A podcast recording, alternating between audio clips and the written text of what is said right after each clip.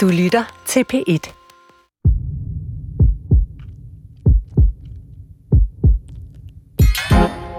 I går stødte jeg tilfældigvis på min underbos mor. Hun var på vej øh, ud fra en togstation for at komme til at ryge.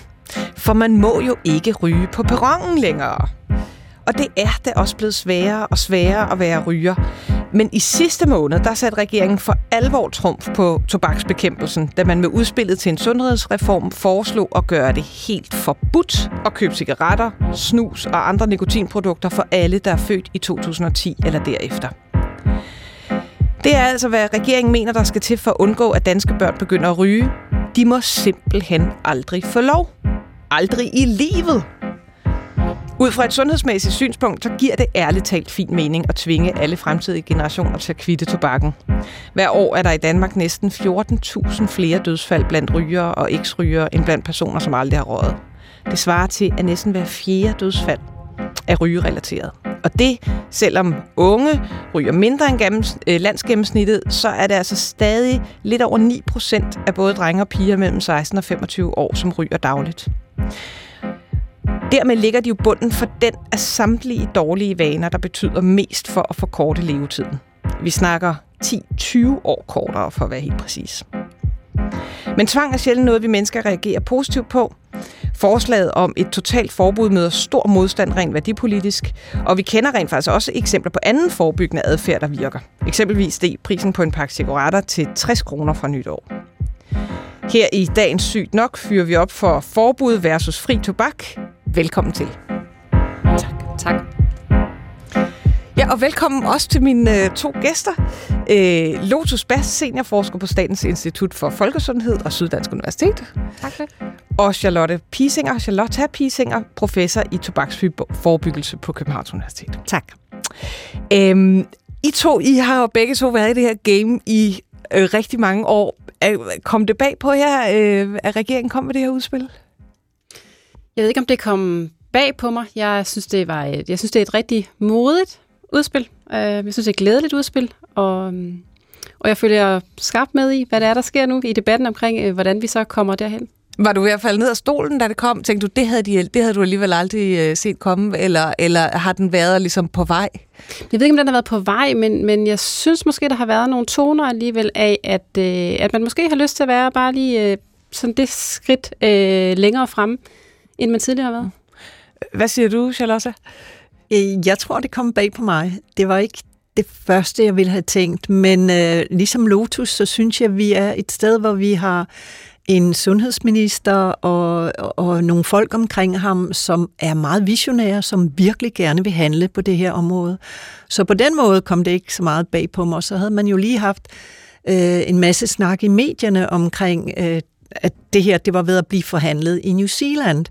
Så det er der, inspirationen selvfølgelig er kommet fra. Så Jo, men, den men måde for eksempel, hvis vi tager, hvad kan man sige, forbud versus priser, som er sådan de, de to store knapper, vi kommer til at snakke om i det her program, øh, man kan skrue på, øh, så kan man sige, at i New Zealand, der er prisen på en pakke tobak, altså helt op på øh, syngende 125 kroner, øh, og, og det er først nu, at regeringen er kommet med et forslag, som vel at mærke ikke er endeligt vedtaget, øh, om at forbyde, bygge, øh, forbyde tobakssalg øh, for, for børn øh, født fra det er så 2008 og fremad. Så, så, så i New Zealand har det vel været, er de vel egentlig på, på, på nogle måder længere fremme, i hvert fald i forhold til priserne? Jamen, de har været meget længere fremme i skoene i mange år. Danmark har jo været virkelig bagud med tobaksforebyggelse i, i et årti. Er vi blevet dårligere og dårligere, når vi sammenligner os selv med andre lande. Øh, så ja, de, de tyr til det som sådan øh, det der ekstra oveni, når vi har opbrugt værktøjskassen af det, vi ved virker, så prøver vi nogle nye modeller. Så på den måde er det kan man argumentere for, at det måske er lidt for tidligt herhjemme at bruge det, fordi vi har stadigvæk meget at gøre godt med, men det skal jo ikke forhindre en i at være visionær. Øh, og, og ja, ja, fordi hvad, hvad er så, hvis vi går lidt igen ned i maskinrummet, hvad er så sådan snakken i branchen omkring mulighederne for at få, få, få det her forslag igennem? Hvad, hvad fornemmer I på vandrørene? Jeg fornemmer, at der, der er en, en stor skepsis. Øh, Folk de har svært ved at tro på, at det kan lade sig gøre. De har svært ved at tro på, at Øh, de liberale partier, de vil støtte op omkring det. Øh, og så er der en stor frygt for, at øh, det så ender med en masse støj, og at man så slet ikke får noget som helst igen på tobaksområdet. Så, så, så der er ikke sådan en, en, øh, en, hvad kan man sige, en forståelse af, okay, det er nok regeringen, der slår et meget stort brød op i håbet om at få nogle mindre, øh, mindre stykker? Ja, øh, det er jo forskelligt, øh, hvem, hvem du snakker med, men, men altså, jeg tror, vi er alle sammen meget enige om, at vi, øh, vi bakker 100% op omkring det her, og, og vi er utrolig glade for, at øh, regeringen øh, virkelig vil handle på det her område. Det viser det her jo for, forslag jo, men er også rigtig bange for, at det ender med, at der slet ikke kommer noget ud af det på tobaksområdet. Mm. Mm. Og at man muligvis skulle have været lidt mindre ambitiøs og har valgt noget, som man er helt sikker på virker. Man kan jo håbe på, at det her det, det har været så stort og så ambitiøst og så, så, så langt frem, at, at nu kommer vi måske til faktisk at debattere, hvis nu vi ikke skal gå så langt frem, hvad er det så for nogle andre greb, vi har, mm. som vi kunne starte med, inden vi når derhen? Enig. Og, og det skal vi nok øh, øh, komme ind på øh, senere, de rent praktiske greb, men, men jeg kunne egentlig også godt tænke dig at høre, Charlotte, øh, øh, hvordan det ser ud på EU-plan, fordi der er jo også, øh, øh, der er jo også ting mm. i gang. ja, vi har jo noget, der hedder et tobaksdirektiv. Det blev forhandlet i 2014, og øh, årene før det, der øh, var der massiv lobbyisme. Det er jo noget, der tager mange år at forhandle igen, og nu er vi nået til, at nu skal der forhandles et nyt tobaksdirektiv i EU. Faktisk så øh, blev der pludselig stor øh, raballer omkring det her lovforslag, fordi at man mente, at det øh, overtrådte EU's øh, tobaksdirektiv. Og der står, at man ikke må forbyde øh, rygning eller øh, tobak, salg af tobak. Og øh, det er sådan set rigtigt nok, fordi at i tobaksdirektivet, det er, sådan, det er lavet for at sætte en, en, en nederbare for at, at skubbe landene til at få... Så det er ligesom, det her det er minimumskravene? Ja, det er minimumskravene, men, ja. men så fordi man også har de der stærke tobakslobbyister, der render rundt i hundredvis nede i Bruxelles, så får man altså også et loft på, hvad man egentlig må. Og øh, der er så kommet sådan et, et eller andet øh, linje med, at man ikke må forbyde salg af tobaksvarer. Øh, så mente man, at så vil det her forslag simpelthen være ulovligt ifølge EU. Faktisk er det sådan, at hvis man i stedet for siger, at børnenes, eller at man ikke må sælge til dem, der er øh, under 25, så vil det være lovligt, og så kunne man hvert eneste år hæve aldersgrænsen. Så næste år, så skulle det så være 26, 27, 28 år. Så okay, det er det der med lovgivning, at det er, hvordan man læser lovteksterne, men, og det er lidt hele, finurligt. Hele den store EU, de arbejder ikke med et, øh, et forbud mod Det gør de ikke, nej. nej. Men lad, lad os prøve at dykke lidt ned i den nylige sundhedsprofil, fordi øh, regeringens øh, udspil til en sundhedsreform øh, kom jo øh, jamen, øh, lige i slipstrømmen af, at vi havde fået øh, sådan en, en rigtig øh, grundig oversigt over danskernes øh, gode og mindre gode især vaner øh, i, i 2021. Den blev udgivet her øh, også i marts øh, 2022. Øh, og der står altså, at øh, det er lige knap 14 procent af den voksne befolkning, der ryger dagligt. Øh, og igen, hvis man ser på de unge, så er det sådan lige lidt over 9 procent, og, og altså øh, stort set ligeligt mellem øh, mænd og kvinder. Øh, er, er, det, er det også sådan en, en trend, der har ændret sig? Ja, det er en trend, der har ændret sig rigtig meget. Øhm, det kommer øh, efter, at vi faktisk i den forrige sundhedsprofil, som udkom i 2017, eller som er lavet i 2017, der så man faktisk en stigning i andelen, der røg, især blandt vores unge mennesker. Og det er jo også noget af det, der har ført ind til hele den her debat omkring, at vi faktisk står nu og har en strammere lovgivning og gør en hel masse ting på det her område. Øhm, så vi har været rigtig spændte på at se, hvad, hvad der så er sket. Øh, og, og det vi kan se på den her sundhedsprofil, det er jo, at øh, andelen af ryger er faldet i alle aldersgrupper, men den er faldet rigtig meget blandt de unge. Hvad, hvad tror du, øh, det skyldes så? Jamen, jeg tænker da, at, at det er noget af al den her debat, og noget af alt det, vi faktisk... Vi har jo arbejdet på det her område i mange år. Vi har lavet, nogle, øh, vi har lavet en masse røgfri miljøer. Øh, vi har haft meget mere fokus på, at man ikke ryger i skolen, eller i skoletiden, eller i arbejdstiden. Der er en hel masse ting, som jo faktisk har været undervejs med en del år. Mm. Og så hvis vi igen... Så de, hvis jeg må ja. tilføje, ja. de, de, de seneste år er der jo også kommet prisstigninger, der er kommet neutrale tobakspakker, der er tobakken er blevet gemt væk, så den ikke er synlig. Så alt det lovgivning, vi har kæmpet for, det er nu samlet set begynder at vise effekt.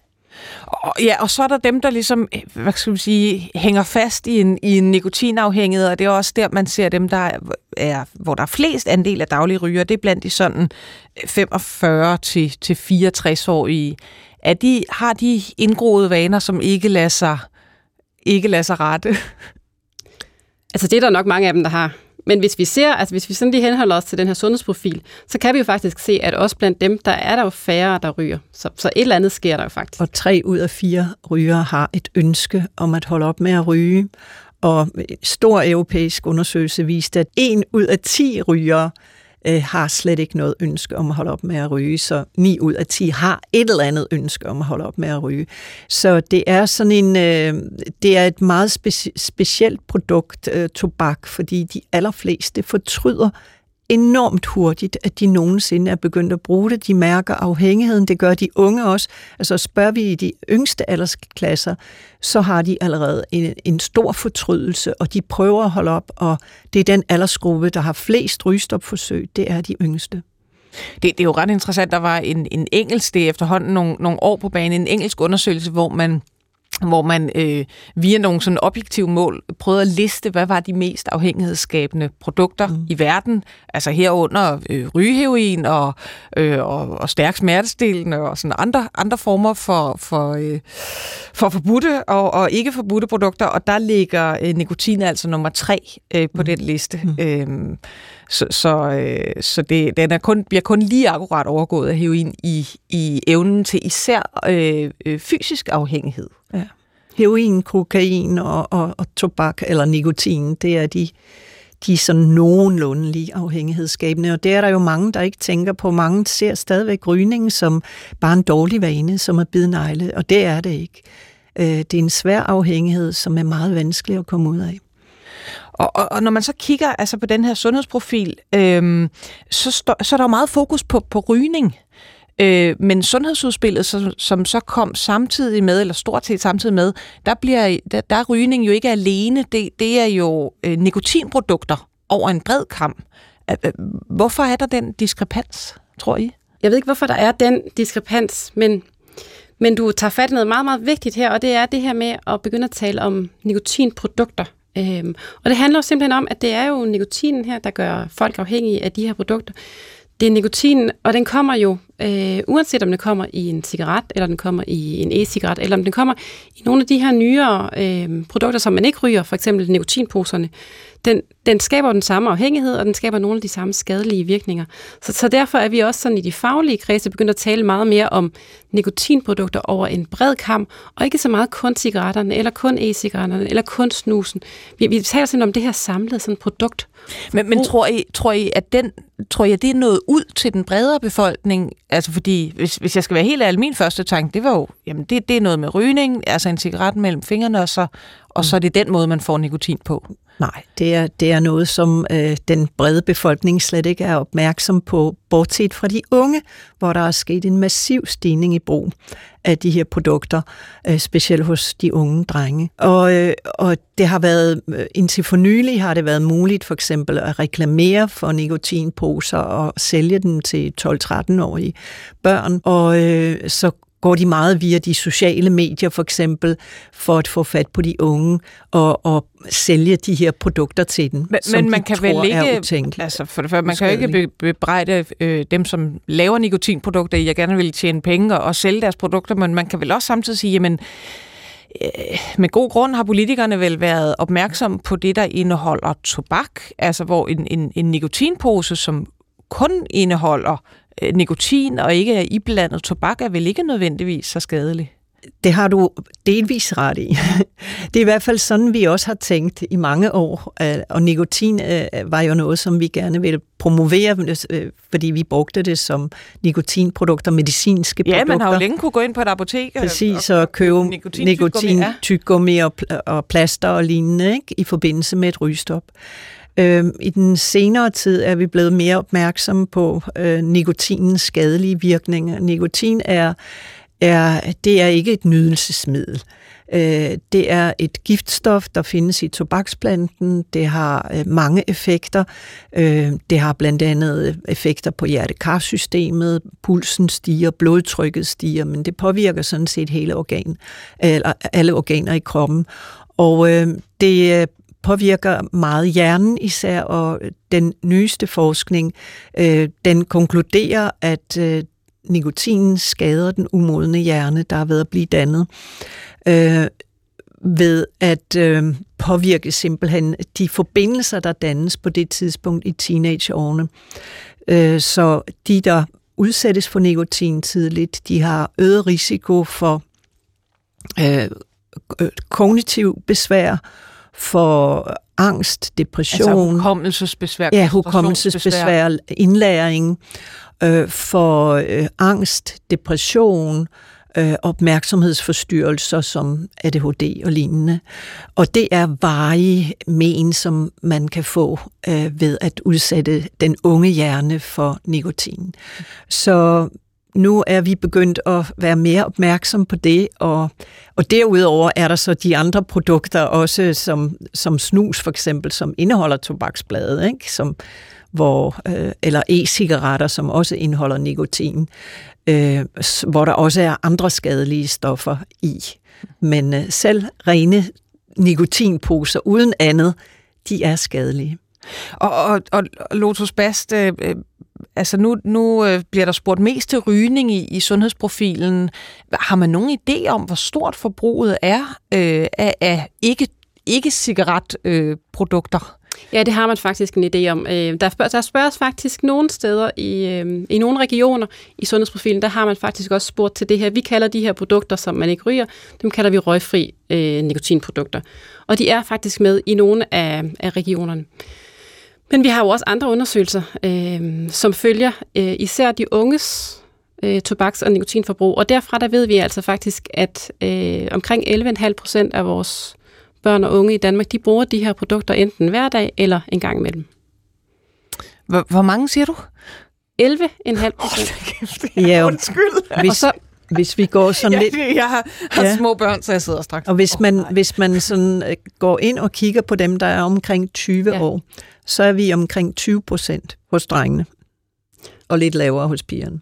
Ja, men der er faktisk, nu har vi talt ja. rigtig meget om den der kønsforskel, som jo er på det her øh, røgfri nikotinprodukter.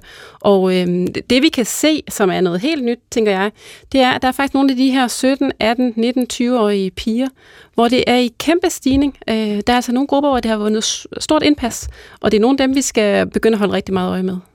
Og, og man ved fra rygning, at der er en enorm øh, øh, social gradient. Altså der, der er, er langt flere i den, den, den laveste uddannelsesgruppe og laveste indkomstgruppe, der ryger end i den højeste uddannelse mm. og ja. højeste indkomstgruppe. Er det det samme med de ikke-røgfri produkter? Det er ikke det, vi kan se lige nu. Vi kan se, at det bliver faktisk brugt på tværs af, vi bruger blandt de unge, der bruger vi sådan et mål for, om de går, altså så spørger vi, om de går i gymnasiet, eller om de går på en erhvervsskole, som et mål for, hvor det er, de befinder sig henne. Og, øh, og der er ikke de her kæmpe store sociale øh, skævheder, som der er på cigaretrygning. Du lytter til Sygt Nok. Med mig i studiet er Lotus Bast, seniorforsker på Statens Institut for Folkesundhed på Syddansk Universitet, og Charlotte Pisinger, professor i tobaksforebyggelse på Københavns Universitet. Mit navn er Maja Thiele, og øh, vi snakker om øh, rygning, og især i anledning af det øh, rygeforbud, som er, er en del af regeringens øh, nylige sundhedsreform. Øh, og Øh, Øh, udgivelsen om danskernes sundhed, øh, som også øh, kom øh, sidste måned samtidig, stort set samtidig med, med regeringens udspil. Øhm, og hvis vi, hvis vi tager lidt fat i det udspil, der er kommet, altså øh, man kan sige, der er jo sådan forskellige gradienter af forebyggelse, og forbud ligger øh, i den, i den øh, kraftige ende, det er den, det er den store hammer, der bliver hævet frem. Altså, vi var lidt inde på det før, Charlotte, med, at der er jo også andre måder at gøre det på. Der er priser, der er tilgængelighed, øh, reklamer. Hvad, hvad hælder I mest til sådan forebyggelsesmæssigt? Se, nu har det udspil, som, eller det forslag, regeringen kommer med, øh, det har vi ikke nogen evidens for, øh, faktisk, fordi det vil være det første sted i verden, det blev gennemført. Så vi ved ikke, om det virker, men det formoder man selvfølgelig, at det, øh, det kan håndhæves, og det, det kan fungere.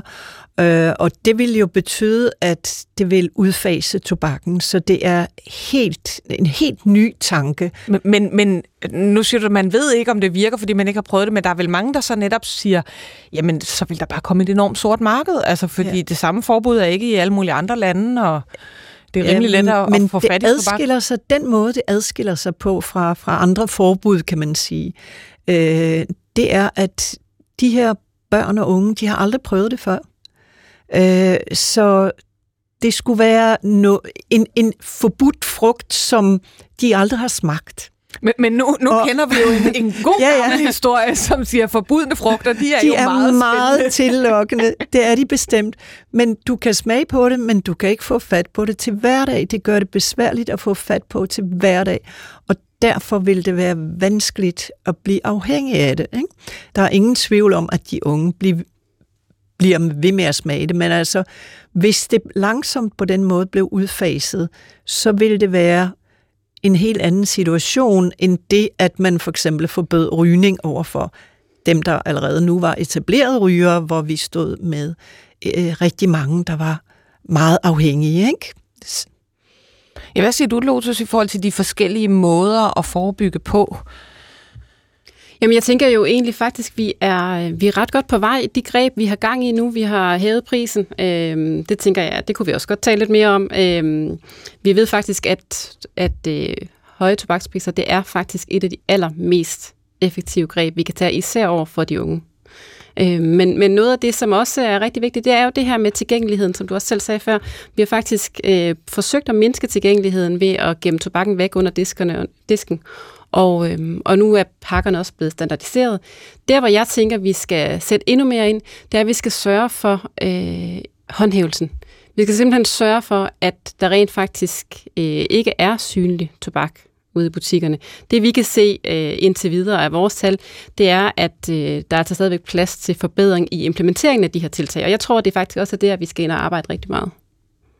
Øh, øh, altså, nu sagde du, Charlotte, at dem, som allerede var blevet afhængige, det, mm. det vil være svært at lave et forbud mod dem. Men, men det har jo også, i forhold til det med priserne, været frem at sige, at det, det har jo også en, en, en skæv øh, hvad kan man sige, økonomisk slagside øh, i og med, at øh, dem, som så tjener mindst, når der også proportionelt er flere ryger der, jamen, så rammer de høje priser dem.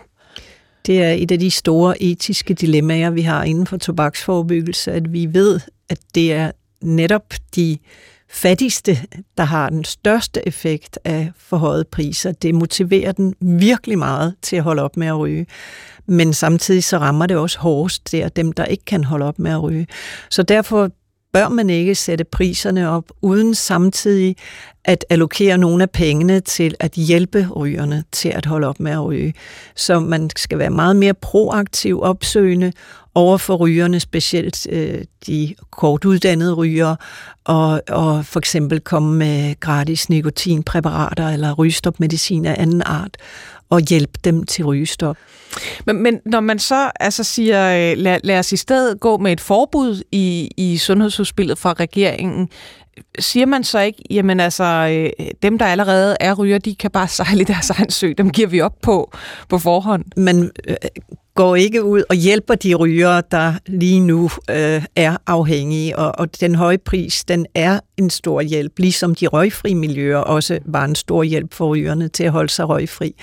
Så øh, ja, det er da ærgerligt, at øh, den høje pris ikke var med i den pakke, det har vi tænkt alle sammen, ikke? fordi øh, hvis jeg skal sige en stor væsentlig ulempe ved, ved øh, det forslag, der er kommet, det er, at vi vil jo, der vil jo gå mange, mange årtier, før vi kan se øh, folkesundhedseffekt af det, fordi øh, det tager jo 30-50 år, før man bliver syg af at ryge. Mm. Så helbredseffekten, den vil jo først komme mm. om måske 50 år.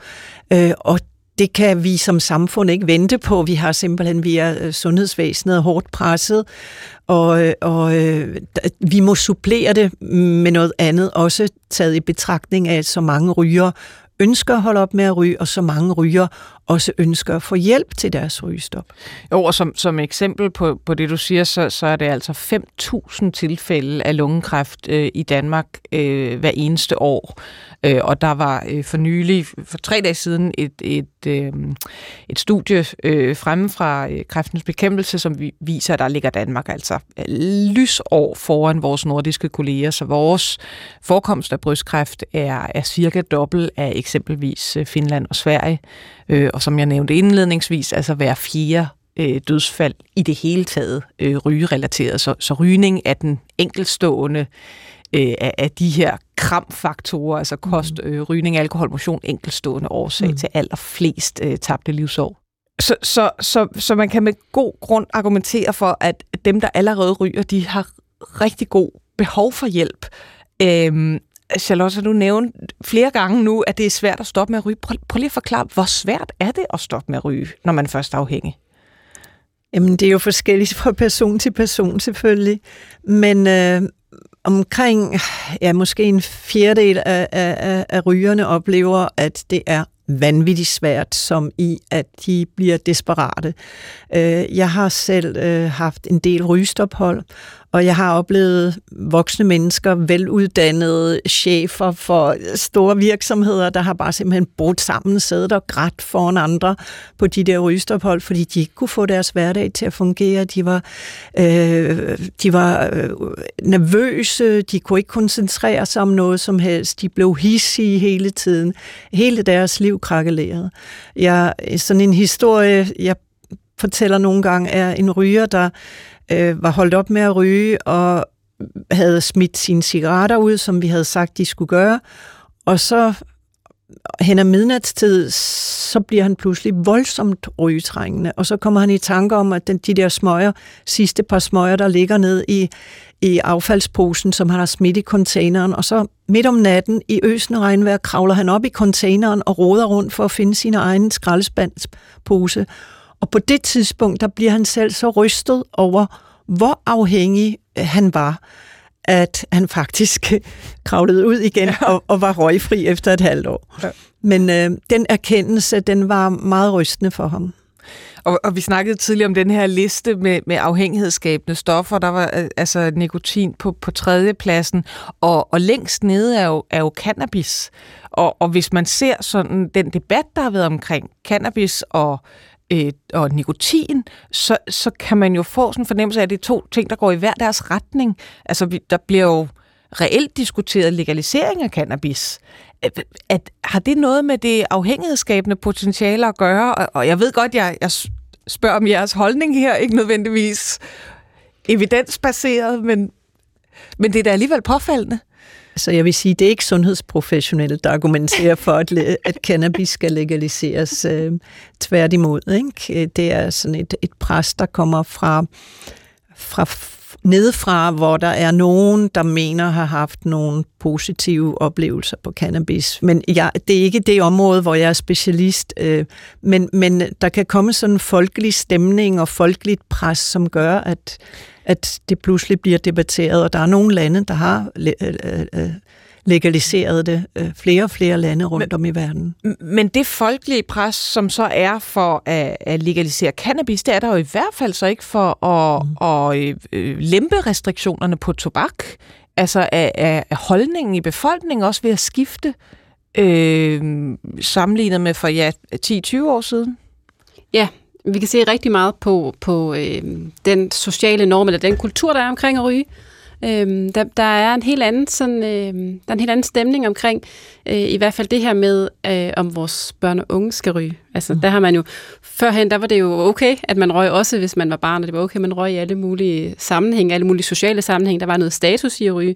Og det her ligesom det der status og, og det at gøre det sammen i forskellige generationer, sådan, det er ligesom skiftet over tid. Så der er helt klart sket noget med, hvordan det er, vi ser rygning i samfundet i dag lytter til Sygt Nok. Vi snakker i dag om rygning i anledning af regeringens øh, forslag om at forebygge øh, salg af nikotinprodukter til øh, børn og unge øh, født øh, fra 2010 og derefter. Øh, mit navn er Maja Thiele, og jeg har besøgt studiet af Lotus Bast, seniorforsker på Statens Institut for Folkesundhed på Syddansk Universitet, og Charlotte Pisinger, professor i tobaksforebyggelse på Københavns Universitet. Øhm, vi har snakket om dem, der allerede ryger, altså de 14 procent af den danske øh, voksne befolkning, øh, som ryger dagligt, og altså et, et slående antal i øh, ønsker at stoppe, altså tre fjerdedel af dem ønsker at stoppe. Øh, og du havde meget øh, malerisk øh, beskrivelse før, Charlotte Bising, om hvor svært det kan være. Mm. Øh, men, men der, og det var så blandt en fjerdedel af, af, af de daglige ryger, som har en svær afhængighed, men så er der jo så nogen, som som ikke oplever det som en stor øh, byrde at stoppe. Hvorfor er der den forskel imellem, ja, fra person til person, fra ryger til ryger? Man ved det ikke, øh, men øh, der er en del genetik øh, omkring det. Øh, der er bare nogen, der øh, er genetisk mere afhængige. Øh, det har også noget med ens livssituation at gøre, og hvor motiveret man er om man er virkelig afklaret med, at, at man skal give slip på, på smøgerne, eller om man bare gør det på grund af, at man føler sig presset, for eksempel.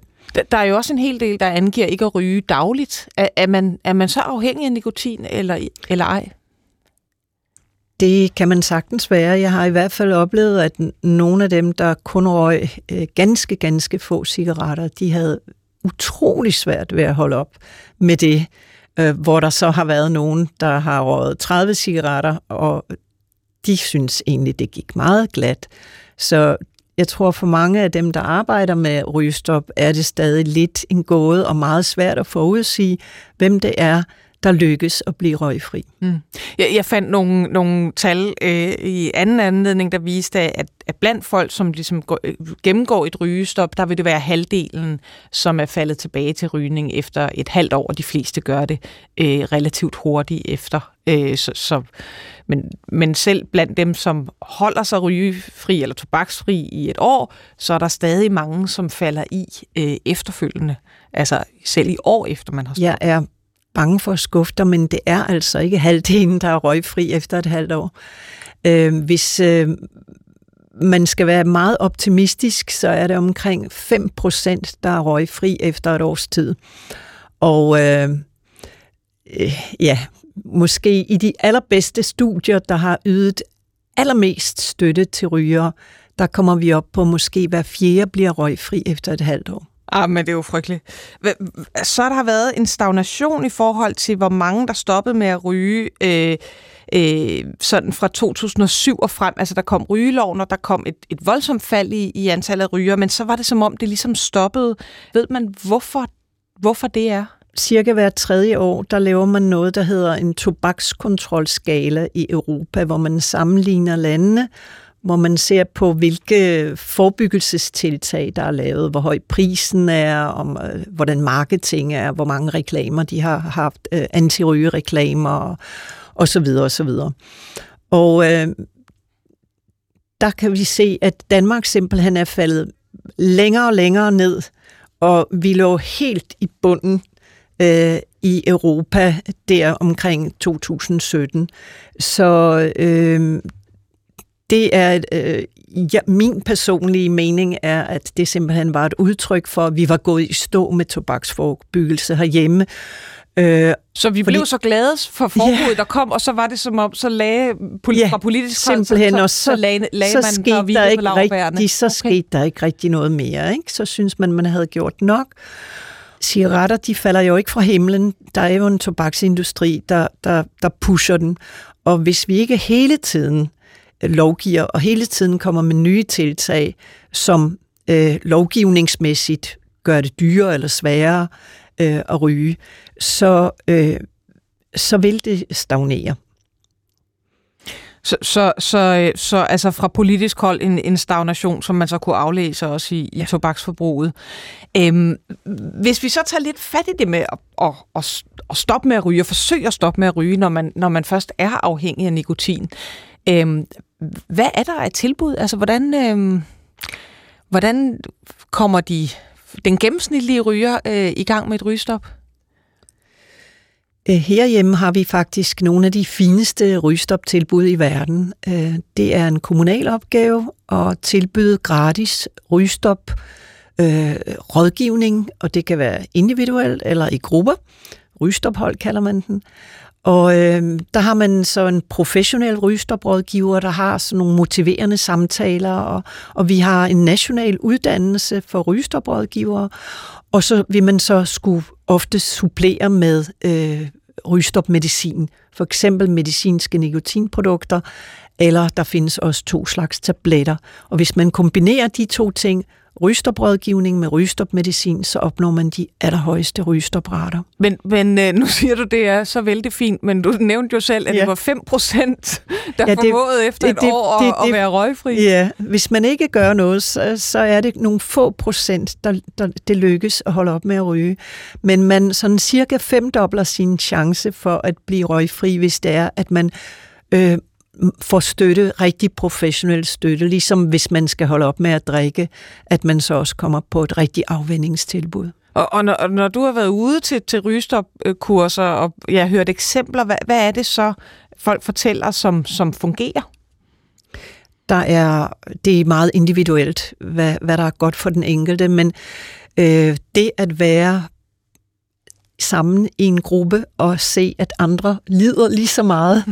øh, og, og, og, og, og danne nogle, de knytter bånd, det bliver ligesom sådan lidt en mødergruppe, ikke? hvor alle fortæller hinanden, hvor forfærdeligt hårdt det er. Men vi kom igen endnu en uge. Og man giver hinanden gode råd, tips til, hvordan man kan øh, komme igennem dagene og giver hinanden håb om, at nu har den og den fået det bedre, nu bliver det sikkert også bedre for mig. Det er en stor del af det, men, men også rådgivningen, at, at lære nogle teknikker til, hvad man gør, når, når man bliver overfaldet af en stor tobakshunger, øh, eller øh, få et øh, nikotinplaster på, øh, som dulmer abstinenserne. Det er, det er sådan lidt, lidt de vigtigste ting, vil jeg sige. Og, og, og ved man så, altså, om, om det er de samme ting, der gør, at man har højere chance for at stoppe med at ryge? Altså kan man, kan man øh, sætte nål på nogle faktorer, som gør, at her er altså en person, som har særlig god øh, mulighed for at opnå øh, rygeophør? Nej, jeg synes netop, at det er rigtig, rigtig svært at sige, hvordan det vil lykkes for den enkelte ryger, eller hvad den enkelte ryger har har særlig stor glæde af. Men vi ved i hvert fald, at hvis man er storryger, altså hvis man ryger i hvert fald omkring de 15 cigaretter eller mere, så vil man have meget stor glæde af rygestopmedicin. Mm.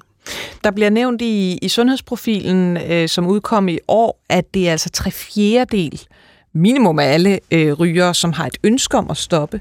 Ved man noget om, hvor mange som så prøver, altså som så bruger de fine øh, rygestopkurser øh, og behandlinger, vi har øh, herhjemme? Ja, det er jo desværre alt, alt for mange. Vi har sådan national... Alt for få, mener du? Øh, ja. ja, det er desværre alt, alt for få.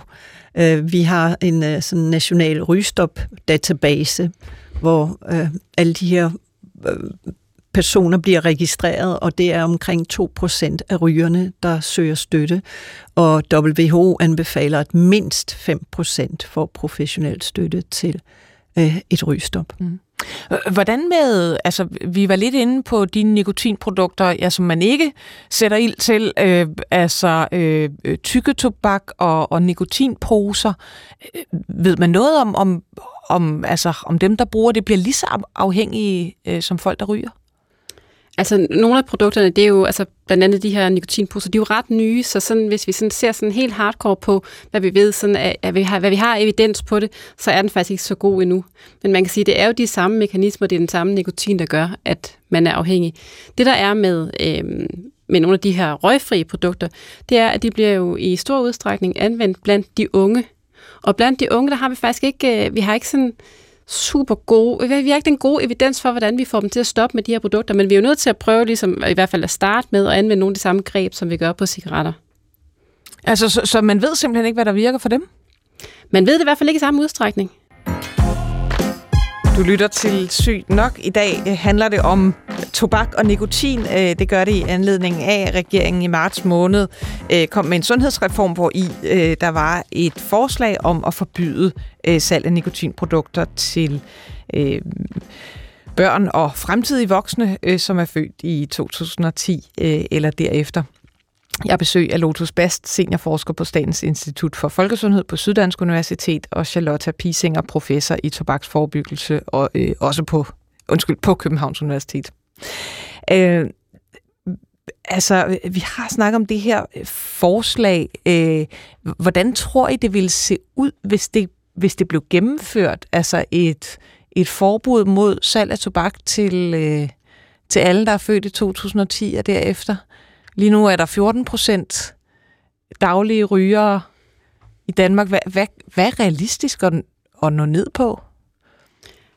Altså hvis vi, hvis vi indfører det her forbud, øh, så taler vi jo om den generation, der er født i 2010 og frem, så vi er jo, som Charlotte faktisk også tidligere i programmet sagde, altså det, det er jo det er jo en effekt, vi kommer til at se langt ud i fremtiden, om mange år. Så man kan sige, lige på vores, på vores andel af dem, der ryger blandt voksenbefolkningen, der kommer det her jo faktisk ikke til at flytte noget de næste år.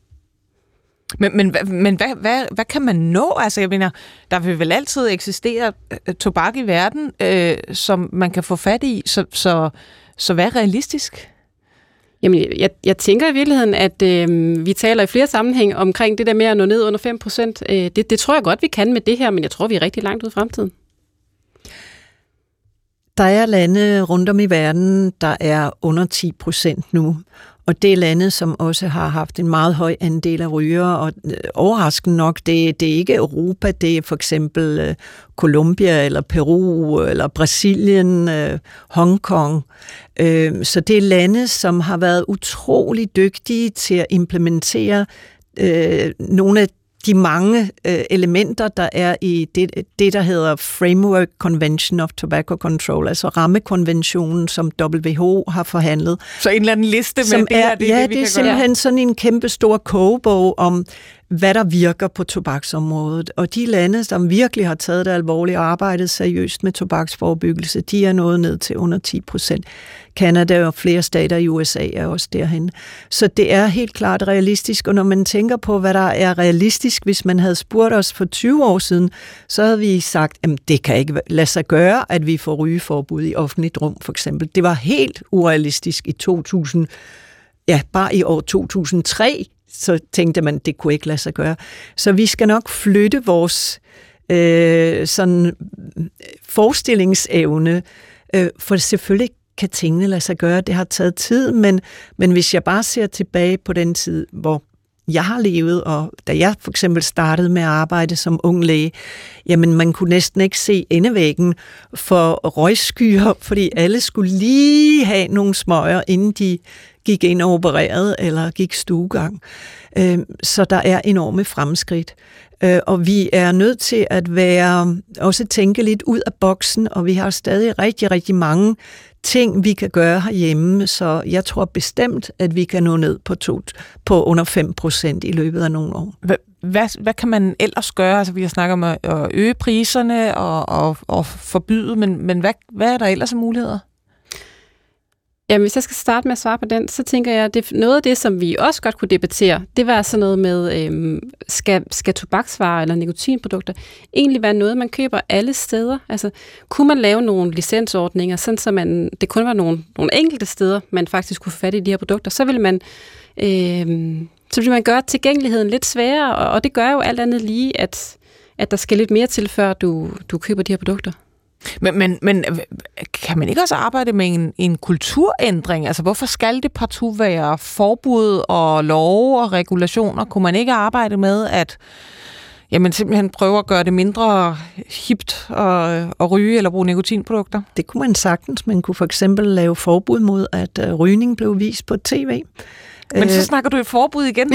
ja, det er rigtigt, men ikke forbud mod at ryge, for eksempel. Det er ikke noget, vi kan ikke flytte den sociale norm. Altså jo, vi har flyttet den sociale norm allerede, men det har vi blandt andet gjort med rygeforbuddet. Rygeforbuddet i 2007, hvor man øh, forbød rygning i offentlig rum, det har i den grad været med til at flytte den sociale norm. Øh, rygerne selv, de er blevet meget mere hensynsfulde. De synes heller ikke, det er i orden, at der bliver røget alle mulige steder. Og de ryger heller ikke derhjemme og udsætter deres børn for rygning, for eksempel. Så et eller andet skal nok starte, og det der med den gode samtale og tro, det kommer af sig selv, hvis vi bare snakker om det. It's not gonna happen. Så desværre, det al vores viden om forebyggelse, det viser, at det, der, der skal så nogle ting som lovgivning til. Og jeg vil sige, lovgivningsmæssigt er der virkelig meget at gøre stadigvæk. Vi kan stadig sætte priserne op, som Lotus ja. sagde også, det der med at gøre det, altså at, det, at, at tobakken ikke findes, eller nikotinvarerne også, på hvert eneste gadehjørne, døgnet rundt. Ikke? Hvorfor skal de det? Altså, øh, det behøver de jo ikke at, at skulle findes. Øh, og og øh, det, jeg synes er allervigtigst, det er at, at regulere tobaksindustrien, fordi øh, der er, altså, hvis man vidste, hvor rige de var, og hvor dygtige de var til hele tiden at finde nye måder at lokke rygerne til at ryge på, og lokke nye rygere til at ryge Men på. det kan man, det er jo, de, de er jo en industri, de er sat ja, i verden til at tjene penge, er de det. så det vil ikke... Men det kan man derfor ikke... må man sige, at vi er så sundheds folk og Sundhedsministeriet er sat i verden til at beskytte borgerne mod, mod øh, sådan nogen som tobaksindustrien. Så de skal regulere den knaldhårdt. Uh, og der men, er, men er det ikke netop at regulere, altså hvis man... Ja, skjult øh, marketing, giver, for eksempel, giver... hvis du tænker på, at at øh, altså, hvad de har brugt af milliarder af kroner på, på reklamer før i tiden, hvor man måtte have reklamer i tv og i øh, øh, ja, alle mulige dameblade og på busser. Det må man jo ikke mere. Nu foregår det skjult. Så der kan vi jo blive meget, meget, meget bedre. Kan du komme med eksempler? Jamen, det er for eksempel ved, at øh, de oplærer unge øh, influencers, bloggere til at øh, putte øh, et eller andet produkt Øh, når de tager billeder af sig selv, så skal det sådan lige ligge, sådan så, eller de skal stå og ryge, mens de tager billeder af sig selv. Og det er med til ligesom at, at, at gøre de unge mennesker interesseret i de her produkter. Det samme med de nye nikotinprodukter. Så de ved udmærket godt, at reklame i dag, det der med at tro, at, at det er noget med en plakat, det er fuldstændig last year. Man kommer direkte ind i børneværelset, direkte ind i deres hjerter, hvis det foregår på de sociale medier. Ja, nu nævner du selv nikotinprodukterne. Det lød jo øh, på, på forklaringen før, altså at man kan få med forskellige smag, man kan få med forskellige styrker, øh, forskellige salgsteder. Det, det, det virker som om, det er det rene vilde vesten nu. Altså har, har politikerne stået for sent op i forhold til at, at regulere de, den type produkter? Altså, man kan sige, at vi skal jo lige opdage, at de findes, før vi kan regulere imod dem i virkeligheden. Øhm, der er begyndt at komme noget øh, på de her nikotinposer, og jeg, altså, jeg håber da i mm. virkeligheden, at der kommer meget mere på de her produkter. Mm.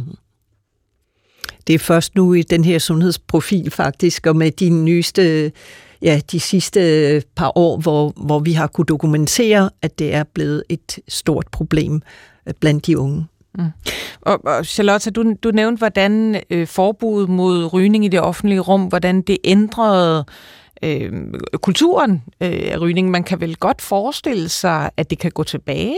Altså, kan, kan I se en fremtid for jer, hvor øh, jamen eksempelvis efter at have set nok øh, serie på Netflix øh, henlagt i sådan en lækker øh, 1930'er-realitet, øh, hvor, hvor der er tobaksrøg over det hele, så pludselig så bliver det, øh, får vi en kulturændring tilbage? Altså ja, ja i virkeligheden. Øhm, jeg, jeg tror, ligesom Charlotte sagde før, altså lige så snart vi giver slip og tænker, nu har vi løst den her opgave, så, så tror jeg faktisk, at vi risikerer, at så, øh, så popper det op igen, så bliver det populært i nogle kulturer eller i nogle grupper. Øhm, så, så vi skal simpelthen hele tiden være lidt opmærksom på, hvor er det, det er populært? Hvem, hvem er det, der nu synes, det her det er spændende? Og så, så skal vi være, se, om vi kan være bare halvt så meget foran, som, som dem, der sælger de her produkter. Jamen, jeg er fuldstændig enig. Og det var jo det, vi så i 2017, at der pludselig kom en stigning blandt unge i rygning, ikke? fordi vi havde sovet i timen lovgivningsmæssigt. Øh, hvad hedder det? Sådan på, på øh, hvis, hvis I skulle have en, ja, en, en, en forebyggelses top 3 ønskeliste, øh, hvad skulle der være på den liste så? Lotus øh, oh, det er, lov til at starte? Det, det, det er et rigtig godt spørgsmål. Altså, altså jeg, jeg kan faktisk rigtig godt lide det her udspil, som regeringen er kommet med. Øhm, og, jeg, og jeg tænker langt hen ad vejen, at det skal vi også arbejde hen imod. Øhm, jeg, jeg, jeg er lidt øh, også, jeg fokuserer også lidt på den der, øhm, den der idé om, om, om måske nogle licenser eller noget med at begrænse, øh, hvad det er for, øh, hvad det er for nogle butikker eller for nogle udsalgssteder, der er. Altså for mig er top 1 altid, det er en regulering af industrien. Det er der problemerne kommer fra, det er, og, og det er dem, der, der skal holdes nede, øh, fordi at øh, ellers så, ja, så er slaget tabt. Og, og, Simpelthen, det er, det er helt klart top 1 for mig. Og top 2 taget i betragtning af... At, jeg skal bare have dig til at fortælle ja. så, hvad en sådan regulering skulle gå ud på. Jamen, en, re- ja, en regulering, der skal gå ud på, at man øh, netop for eksempel øh, kan se, at nu dukker der nye produkter op, så skal man være lynhurtigt til at øh, lukke de huller lovgivningsmæssigt, der er omkring marketing af den, omkring salg til mindreårige osv. osv. Der er vi ofte meget langsomme til at handle.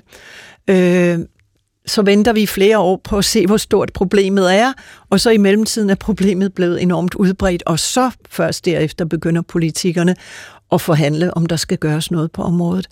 Øh, så en lynhurtig og, og, og, og visionær lovgivning, så vi skal hele tiden, når vi laver vores lovgivning, tænke i, hvordan vil den blive udnyttet fremover af tobaksindustrien? Hvor vil industrien finde huller til at kunne markedsføre det, til at kunne øh, ja, snige sig udenom at lave et produkt, der minder lidt, men alligevel er lidt anderledes eller lignende. Så, så det lovgivningsmæssige, øh, det, det er stadig det aller, aller vigtigste for mig. Altså her til sidst, så kan man jo sige, nu, nu har der været tre sundhedspersoner øh, i mm. studiet. Øh, jeg selv, udover at øh, øh, være radiovært, er jo, er jo øh, læge og, og, og professor i godt nok leversygdomme, men, men øh, stadigvæk øh, I, I begge to inden for, hvad kan man sige, hver jeres branche, som, som bekæmper tobaksrelateret skade øh, og nikotinrelateret skade.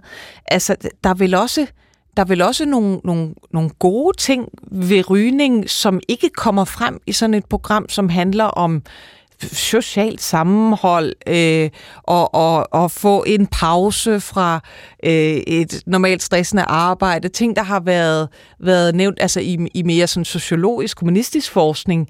Øh, øh, altså, er der simpelthen for meget skyklapper på nogle gange i forhold til tobak øh, og, og snakke skadelige konsekvenser?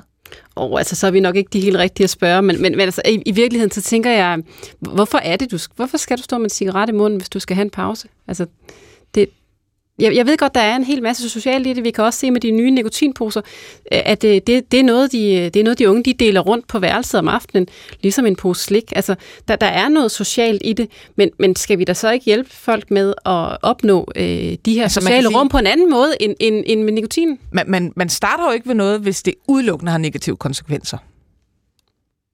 Nej, det gør man ikke, og der er selvfølgelig nogle, øh, nogle positive effekter af nikotin. Øhm, det er blandt andet, at man, man både slapper af, man bliver også kvikket op.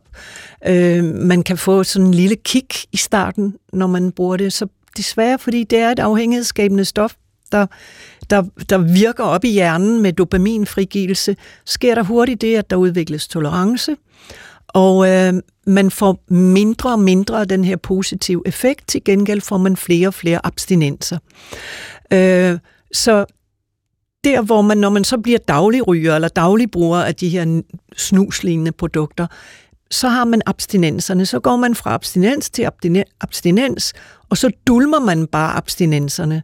Og så tænker man, når man tager sit produkt, i nu har jeg det rart, men det er sådan, alle vi andre har det til hverdag, alle os, der ikke bruger den. Jeg vil sige, der er mange, der taler om det med, at, at rygning er godt, det får den til at slappe af. Det øh, føles afstressende. Øh, og det er netop, når man får dulmet sine abstinenser fra nikotinen. Øh, faktisk ligger der rigtig mange undersøgelser nu, der viser, at øh, rygning er, er associeret med skade på hjernen, at det øger risikoen for psykisk sygdom, Øh, øh, depression, angst, skizofreni for eksempel. Øh, og man har også undersøgelser, der har fuldt ryger over tid, og man kan se, at øh, hvis man ser dem, der er holdt op, og dem, der fortsætter med at ryge, så de, der er holdt op et år efter, de har meget, meget mindre øh, Øh, øh altså alle de her dårlige mentale øh, udfordringer, og, og, og de har bedre livskvalitet og bedre psykisk helbred efter et år, end dem, der er blevet ved med at ryge. Og effekten svarer til det, vi kender fra lykkepiller, SSRI-præparater. Så et rygestop er faktisk som at tage sådan en lykkepille, det forbedrer ens mentale sundhed. Men det har rygerne selvfølgelig svært ved at tro på, fordi de kan opleve, når de tager deres cigaret, at det dulmer deres stress, deres abstinenser. Og det blev altså de sidste ord for øh, i dag. Tusind tak øh, til mine to gæster. Lotus Bast, seniorforsker på Statens Institut for Folkesundhed på Syddansk Universitet, og Charlotte Pisinger, professor i tobaksforebyggelse på Københavns Universitet. Mit navn er Maja Thiele, og øh, til øh, forskningsinteresserede lyttere, øh, så kan jeg fortælle, at øh, der er Ph.D.-kop øh, på DR2 kl. 21.30 i aften, og det kan også ses øh, på DRTV. Øh, jeg var selv så heldig at medvirke til phd koppen i 2017, så jeg skal selvfølgelig øh, se med, øh, hvem af de øh, fem nørder, der klarer sig bedst i X-Factor for nørder. Det her program det var produceret af Victoria Tovino. I kan finde os øh, på DR's streaming-app, DR Lyd, øh, hvor I også kan finde tidligere udsendelser. På hjertelig genhør.